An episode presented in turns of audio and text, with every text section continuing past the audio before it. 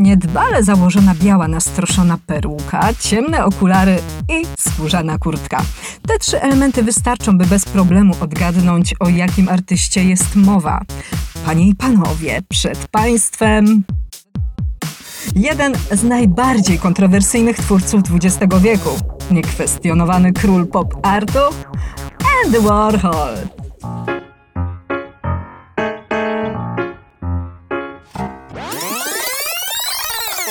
I nim zaczniemy, jeżeli podoba Ci się to, co robię i chcesz wspierać podcast dawno temu w sztuce oraz brać czynny udział w jego rozwoju, postaw mi kawę na buycoffee.tu ukośnik dawno temu w sztuce. Powtarzam, buycoffee.tu ukośnik dawno temu w sztuce. To portal, który wspiera internetowych twórców. Możesz mi tam postawić symboliczną kawę za piątaka. Cel jest jeden: stworzenie domowego studia nagrań, by słuchanie podcastów było dla Ciebie jeszcze przyjemniejsze.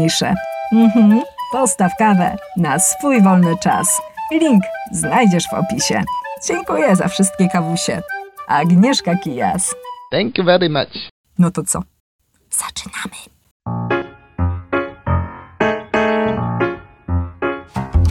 Kto zabił Andy'ego Warhola?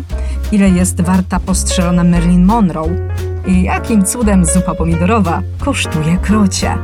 O tym wszystkim opowiem już za moment. Nazywam się Agnieszka Kijas i jestem krytykiem sztuki, a ty słuchasz 72 odcinka podcastu z serii Dawno temu w sztuce, czyli wszystko, co chcesz wiedzieć o malarstwie, ale bez nadęcia.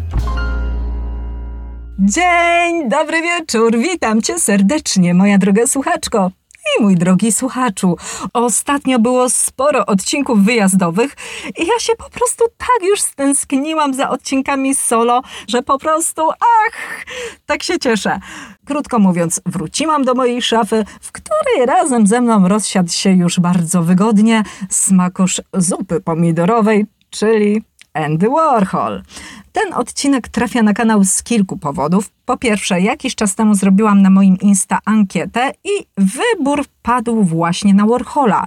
Swoją drogą, jeśli ty też chcesz mieć wpływ na to, o jakich artystach nagrywam, zaglądaj na mojego Insta, bo od czasu do czasu pojawiają się tam właśnie takie głosowania. A po drugie, o Warhola poprosiła też Ania z kanału Historia Sztuki na 100, która wysłała mi taką wiadomość. Cześć Agnieszko, tutaj Ania z Historia Sztuki na 100. Chciałabym Cię poprosić, abyś nagrała podcast o Andy Warholu. Bardzo mi na tym zależy, ponieważ kocham sztukę Andy'ego Warhola i w ogóle cały pop art, dlatego bardzo chętnie bym się dowiedziała coś więcej na temat jego samego, ale także jego dzieł, jak na przykład Puszki Campbells, czy w ogóle jego pracowni i połączenia z światem celebrytów. Także nie mogę się doczekać i jestem bardzo wdzięczna. No i jak tu nie nagrywać? Co więcej, ostatnio na Netflixie święci triumfy serial Pamiętnik Andy'ego Warhola, a także padł rekord. Obraz tego artysty, Shad Sage Blue Merlin, został sprzedany na aukcji w Nowym Jorku za bagatela 195 milionów dolarów. I stał się tym samym najdroższym dziełem XX wieku, jakie zostało sprzedane na jakiejkolwiek aukcji. Czyli co? Arcydzieło bardzo na topie. A arcydzieła mają to do siebie, że są jedyne w swoim rodzaju, niepowtarzalne. Jest tylko jedna Mona Lisa, która swoją drogą całkiem niedawno oberwała z ciasteczka i można podziwiać ją tylko w jednym miejscu, w Louvre. A gdyby tak zrobić coś zupełnie odwrotnego, gdyby tak zrobić dzieło, które mogłoby się znaleźć w każdym kraju i w każdym muzeum równocześnie. No, taki numer w czasach Leonarda da Vinci prawdopodobnie nie zdałby egzaminu, ale w świecie zdominowanym przez reklamy i konsumpcję, mm, to już co innego. Może się udać.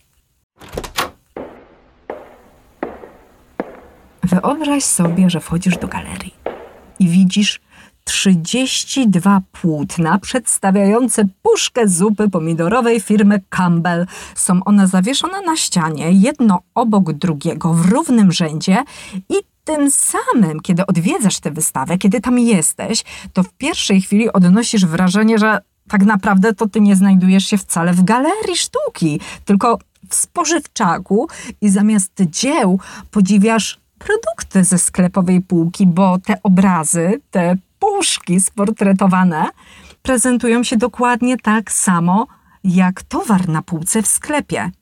Łocie, panie, to się nie mogło podobać. Obrazy z puszką wywołały oburzenie, wywołały niesmak, a zdaniem ekspertów ich autor, no kontrowersyjny Andy Warhol, bo to o nim przecież mowa, sprowadził sztukę do zawartości lodówki przeciętnego Amerykanina. Na tym nie koniec. Ten prostak zadrwił z największego atutu sztuki, z jej podstawowego wyznacznika oryginalności. To już nie jest jeden unikalny obraz. Artysta kopiuje go na wiele sposobów. I wiesz co? To była produkcja taśmowa. Zamiast malować jeden unikalny obraz, Warhol wytwarzał ich całe serie po 30, 40, a było, że nawet po 100 sztuk. Korzystał z techniki druku.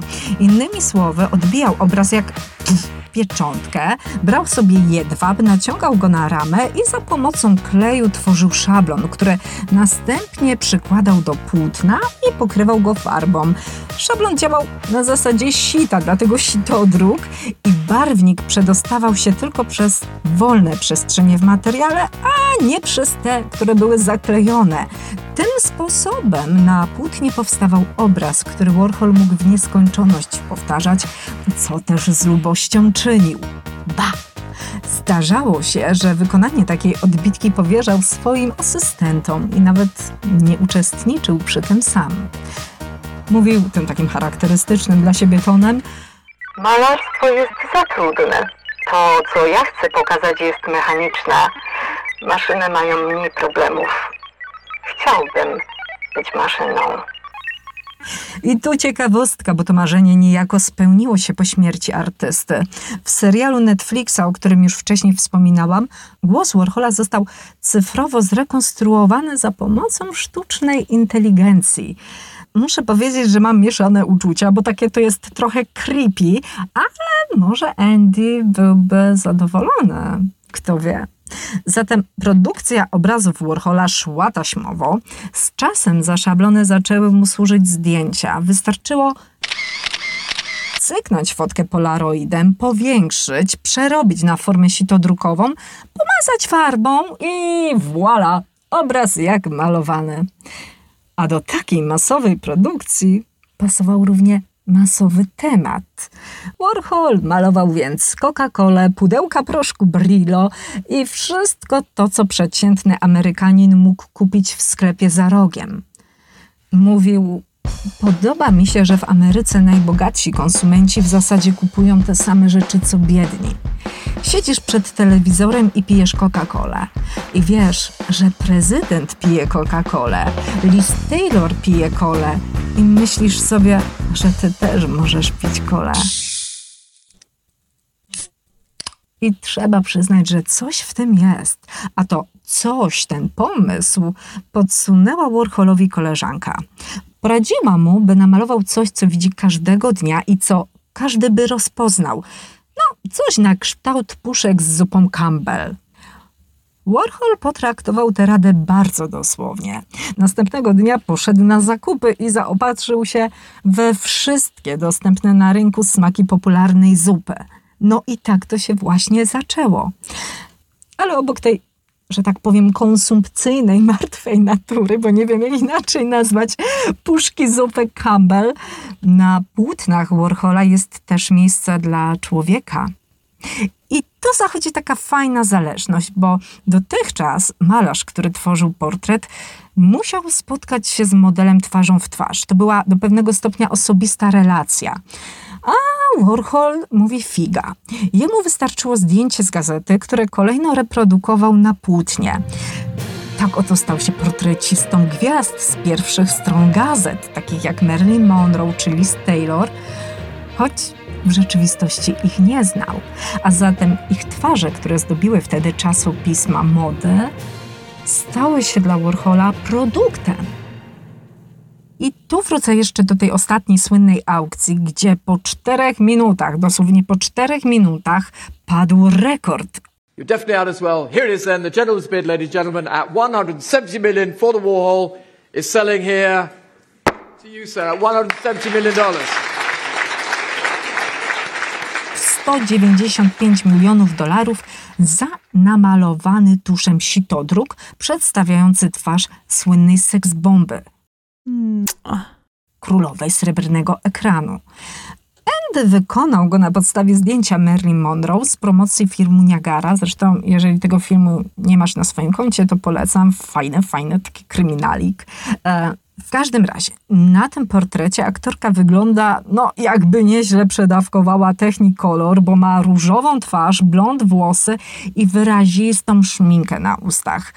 A przedstawiona jest na turkusowo-niebieskim tle. Obraz nazywa się Shot Sage Blue Merlin i jest jednym z serii pięciu portretów Marilyn Monroe. Ta wystrzałowa nazwa jest zresztą nieprzypadkowa, bo pewnego razu do pracowni Andy'ego Warhola przyszła performerka Dorothy Peber, jak dobrze pamiętam nazwisko, możliwe, że coś pomyliłam, i zapytała, czy może sfotografować obrazy. I tutaj użyła słowa, które w slangu angielskim dokładnie brzmi strzelić kilka zdjęć, czy może zrobić kilka shotów, czy może zrobić kilka strzałów. I Warhol zgodził się, bo myślał, że ona po prostu chce strzelić fotkę, ale Dorothy wyciągnęła rewolwer i strzeliła w sto z jego sitodrukowych portretów Merlin. Oczywiście została potem wyrzucona ze studia, a gołym okiem nie widać dzisiaj na dziele śladu tego incydentu. Zatem dziś postrzelona Merlin bije rekordy na aukcjach, ale czy to oznacza, że możemy ją uznać za największe dzieło Andiego?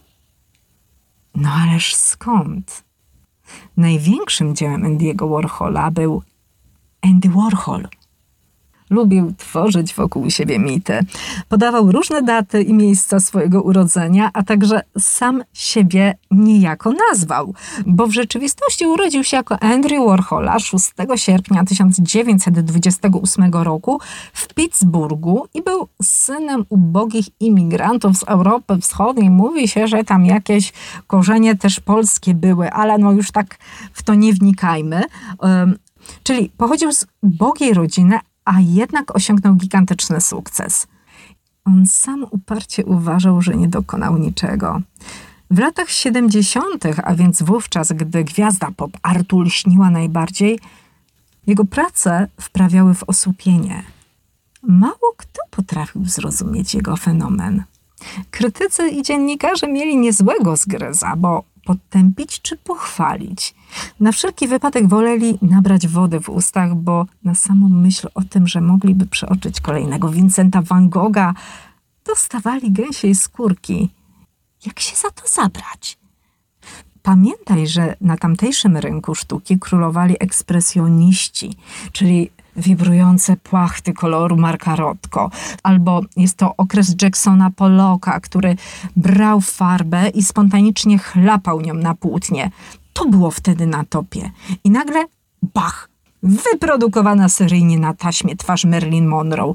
No i wyobraź sobie, co czuli ci wszyscy znawcy tematu, którzy dotychczas wymądrzali się nad mroczną i depresyjną stroną sztuki, a tu voilà, proszę bardzo, mają poukładane w stosiki pudełka proszku Brillo, mają kolorowe butelki Coca-Coli, czy też zwielokrotnioną buzię samej Monalizy, czyli pierwszej damy światowego malarstwa.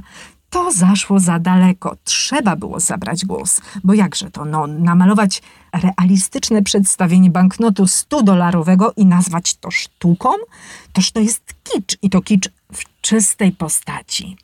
Jedni krytycy uznali, że Warhol jest zwykłym naciągaczem, hochsztaplerem, który nie potrafi malować i żeruje na popkulturalnej papce.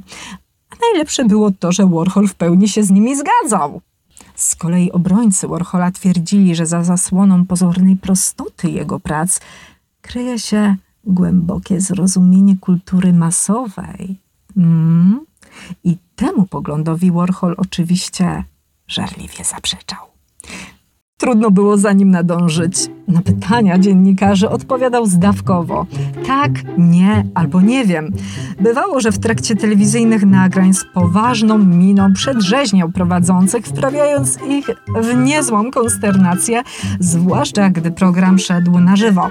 Możesz sobie zobaczyć na YouTubie, jest taki wywiad, kiedy dziennikarz poci się i próbuje zadać Warholowi jakiekolwiek pytanie, a on tylko za nim powtarza, bo mówi, że boli go głowa i on dzisiaj nie jest w stanie odpowiedzieć na żadne pytanie, więc najlepiej, żeby redaktor nie tylko zadawał pytania, ale podrzucał mu też odpowiedź, a on ją chętnie powtórzy.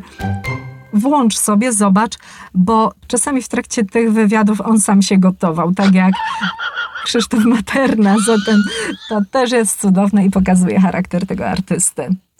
Ale początki kariery księcia pop artu wcale nie były łatwe. Wraz ze swoimi kolegami wynajmował obskurne mieszkanie, bo sam nie był w stanie opłacić czynszu. Nie było tam ani ciepłej wody, ani toalety, słowem nora. I pewnego dnia wybrał się na rozmowę kwalifikacyjną do redakcji Harper's Bazaar, a z pomiędzy kartek jego portfolio wypełzły karaluchy. Nikomu nawet przez myśl nie przeszło, że Andy Obszarpaniec, bo wówczas właśnie tak nazywali go znajomi, zajdzie tak daleko. W tych chudych latach Warhola nie było stać nawet na jedzenie. Często na jego stół trafiała zupa pomidorowa z puszki. Z jednej strony ta metalowa puszka zupy pomidorowej stała się symbolem biedy, synonimem biedy, z którą musiał się mierzyć, a z drugiej była też wspomnieniem fajnych chwil z młodości, młodych lat. I tu jeszcze dodam, że w dzieciństwie mały Andy uwielbiał pomidorową kampela i zajadał się nią ze smakiem, dosłownie aż mu się uszy trzęsły, a jego matka z puszek po tej zupie wycinała blaszane kwiaty, a potem je sprzedawała, by zarobić, by mieli za co żyć. Kiedy z tej perspektywy spojrzymy na jego obrazy, okazuje się, że z masowego kiczu wyłania się sztuka.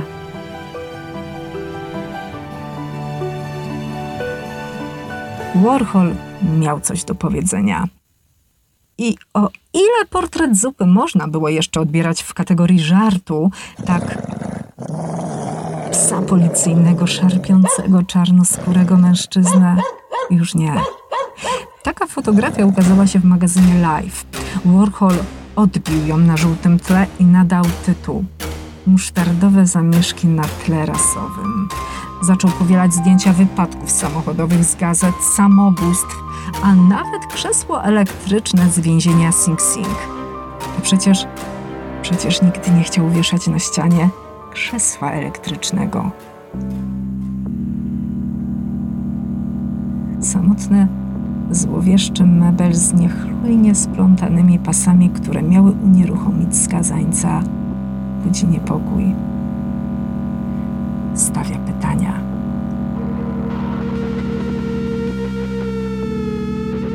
Dwie odbitki.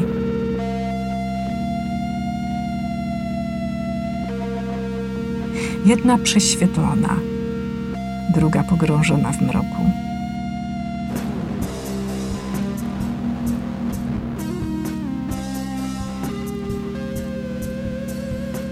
Tak oto w kolorowym świecie pop artu zagościł strach.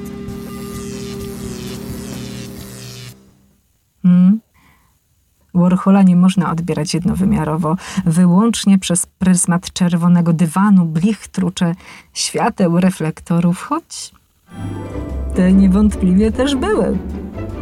Warhol kochał Hollywood, kochał gwiazdy i splendor, jaki im towarzyszył. W dzieciństwie wycinał ich zdjęcia i wklejał je do albumu. Dlatego w pewnym momencie stwierdził, że sam zacznie produkować gwiazdy. Mm, tylko gdzie? No jak to?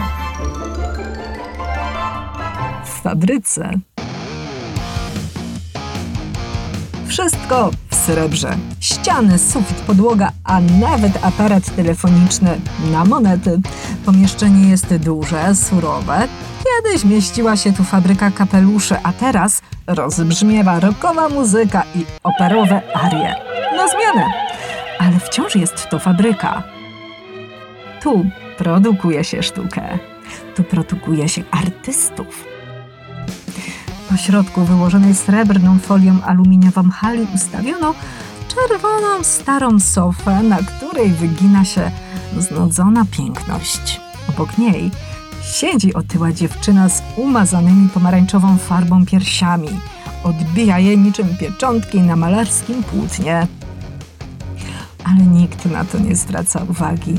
Tu każdy może być sobą. Nieco dalej na podłodze rozłożono wydrukowane obrazy kolorowych kwiatów. Młody chłopak z afro na głowie i papierosem w ustach kręci się wokół nich i wciąż dokłada kolejne. Przy biurku zasiadł mężczyzna w rozpiętym szlafroku. Jego palce uderzają miarowo o klawisze maszyny do pisania w rytm ostrej, rockowej muzyki, którą ktoś inny puszcza z winylowej płyty.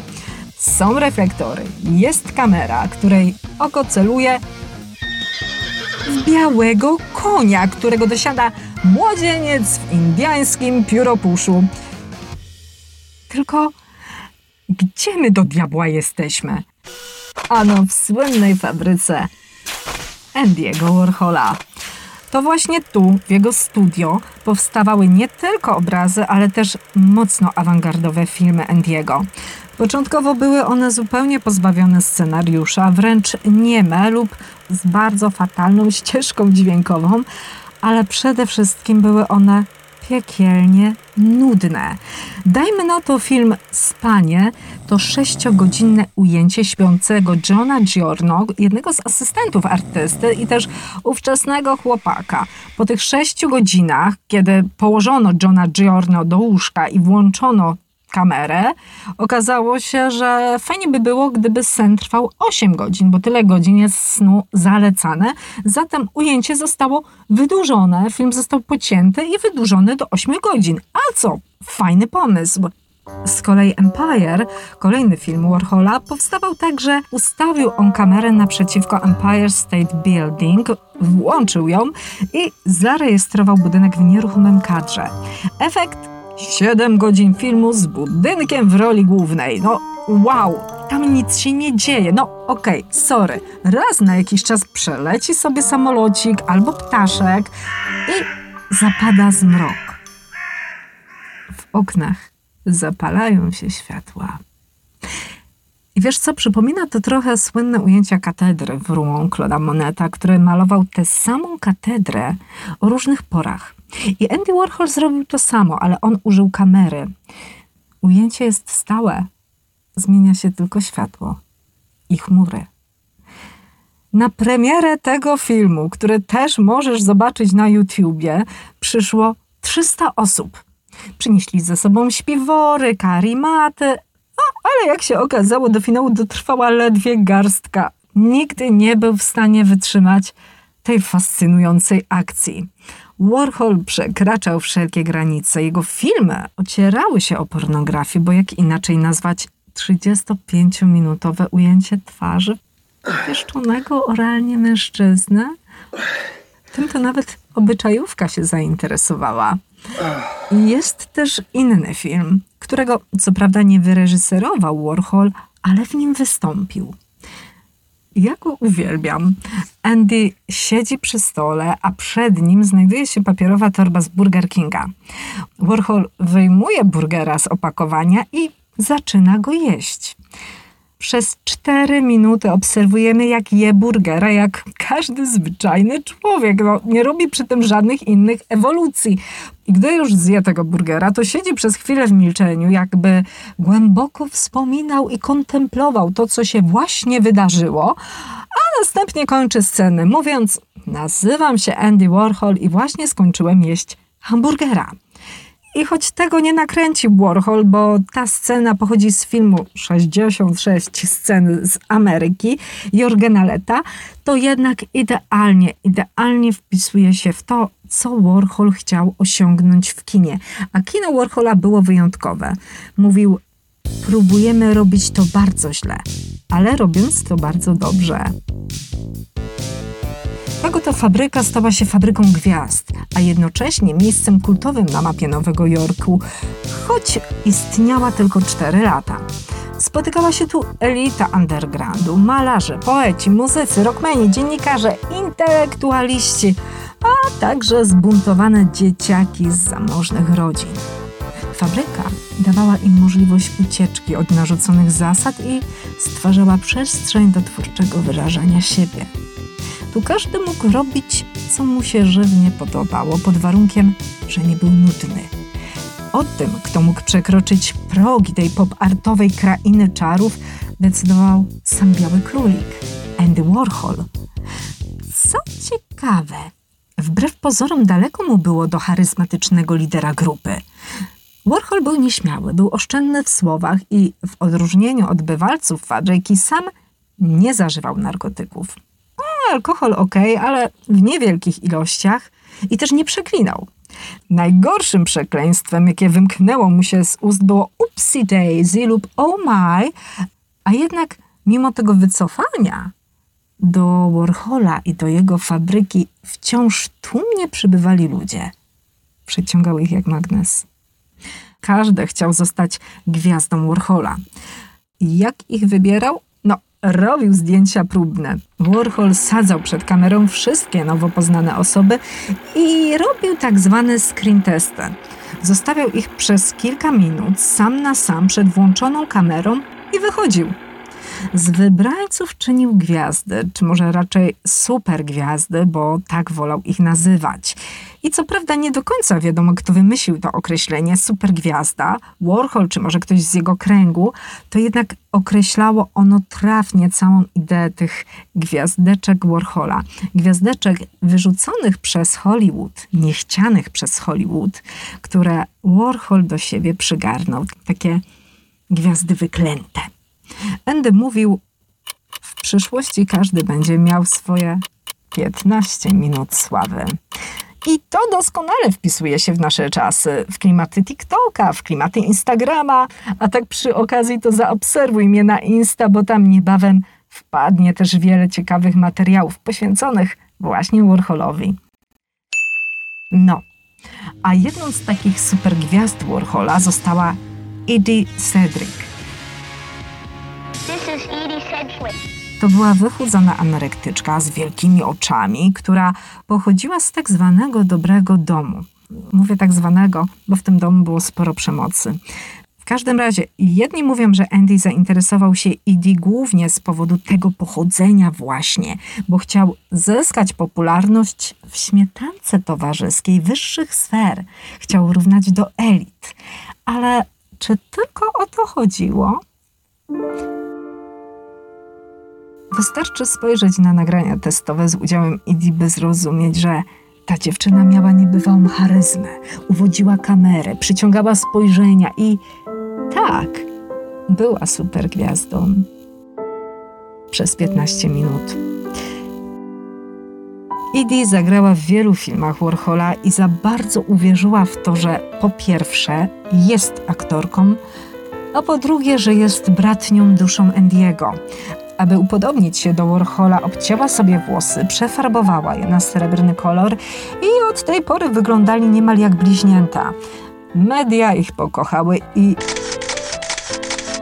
lansowały ich jako królewską parę undergroundu, parę pop-artu. Natomiast ta idylla nie mogła potrwać długo. Warhol narzucił duże tempo pracy i dużo wymagał od Edie. Z jednej strony traktował ją jako koleżankę, przyjaciółkę, bo godzinami wisieli na telefonie, rozmawiali ze sobą, pokazywali się razem, ale z drugiej strony było coś, co ich rozdzielało narkotyki, bo Idi sięgała po coraz to silniejsze używki, twardsze narkotyki. Zaczęła się też spóźniać na spotkania, zawalać terminy i w pewnym momencie Andy stracił do niej cierpliwość. Pozbył się jej. Idi bardzo przeżyła to rozstanie. Była już wówczas mocno uzależniona, a jej stan zdrowia pogarszał się. Warhol był jednak niewzruszony.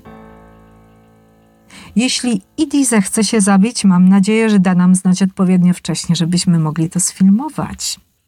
Kwitował. Stało się. Edie nie dożyła 29 urodzin. Przedawkowała leki, a za jej śmierć wielu obwiniało Warhola. No, ale to nie do końca tak. Wiesz, sama przekonałam się, jak to jest mieć uzależnionego przyjaciela. Postąpiłam dokładnie tak jak Warhol. Straciłam cierpliwość i zupełnie wyciszyłam tę znajomość. Oczywiście, że było mi trudno, ale dorosłam do tego, by zrozumieć, że paradoksalnie najlepszą pomocą, jaką mogłam mu dać, był brak tej pomocy. Osoba uzależniona musi, po prostu musi odczuć konsekwencje swojego nałogu i właśnie tak zrobił Warhol z Edie. Nie wyciągnął ręki. Cóż, Edie była tak uzależniona, że już nawet to nie pomogło.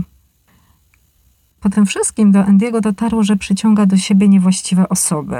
Postanowił z tym skończyć, bo nie chciał być już kojarzony z bandą ćpunów, z bandą dekadentów i samobójców. Przeniósł fabrykę do nowej siedziby, ale to już nie była ta sama fabryka.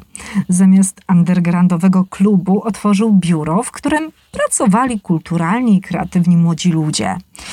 Niestety, przeszłość, którą chciał za sobą zostawić, postanowiła mu o sobie przypomnieć. Valerie Solans, była aktorka Warhola, przyszła do nowej fabryki 3 czerwca 1968 roku. Wjechała windą na piętro, weszła do biura, po czym trzykrotnie strzeliła do Andiego.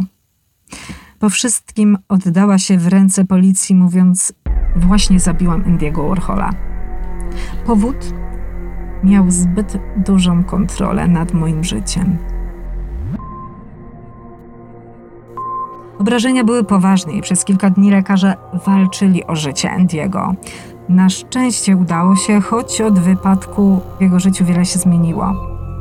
Andy musiał nosić ortopedyczny gorset, a jego tors szpeciły rozległe blizny. Zaczął bać się szpitali, a o sobie mówił, że ma tak wiele szwów jak sukienka Diora. Od tego momentu coś w nim pękło. Zmieniła się także jego sztuka. Został portrecistą znanych gwiazd i wpływowych biznesmenów.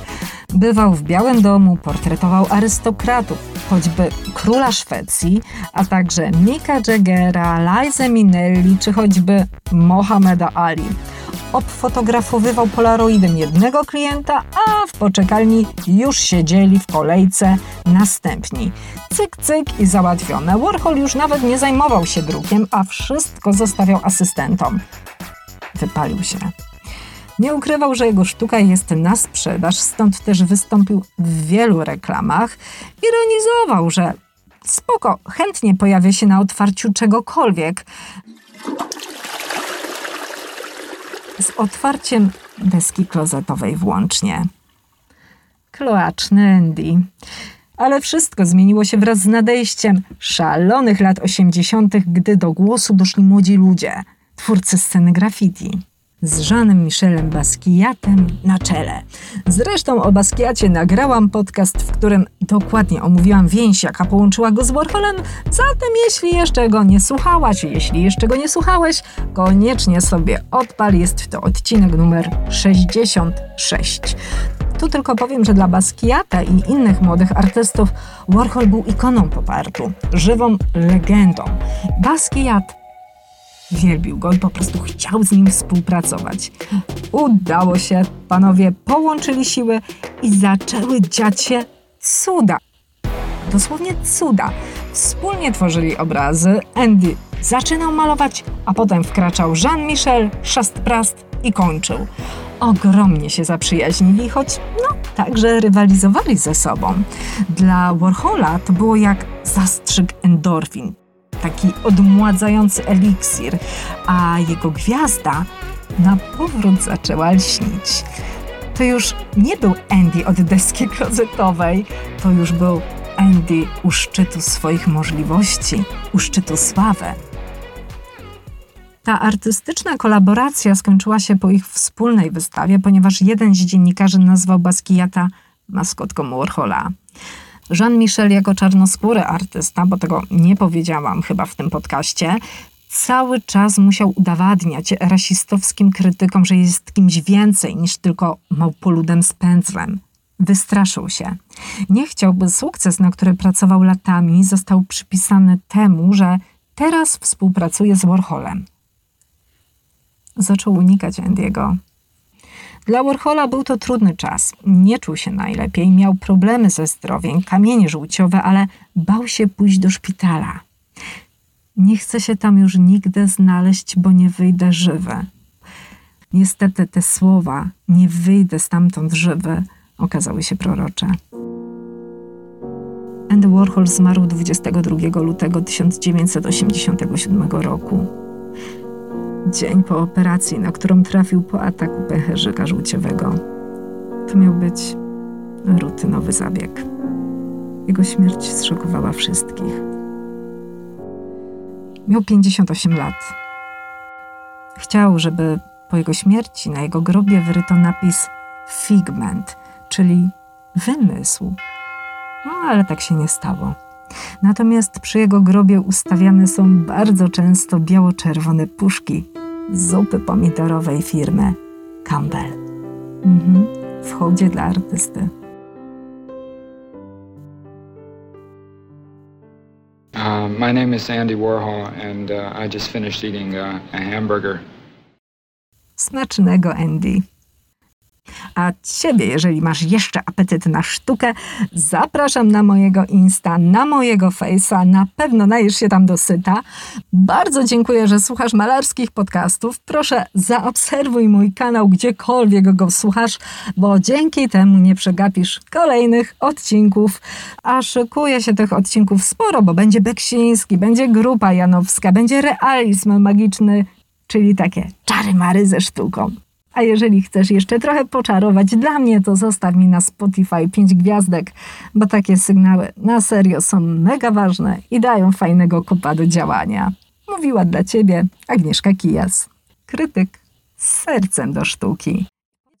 I jeszcze jedno. Jeżeli podoba Ci się to, co robię i chcesz wspierać podcast dawno temu w sztuce oraz brać czynny udział w jego rozwoju, postaw mi kawę na buycoffee.tu ukośnik dawno temu w sztuce.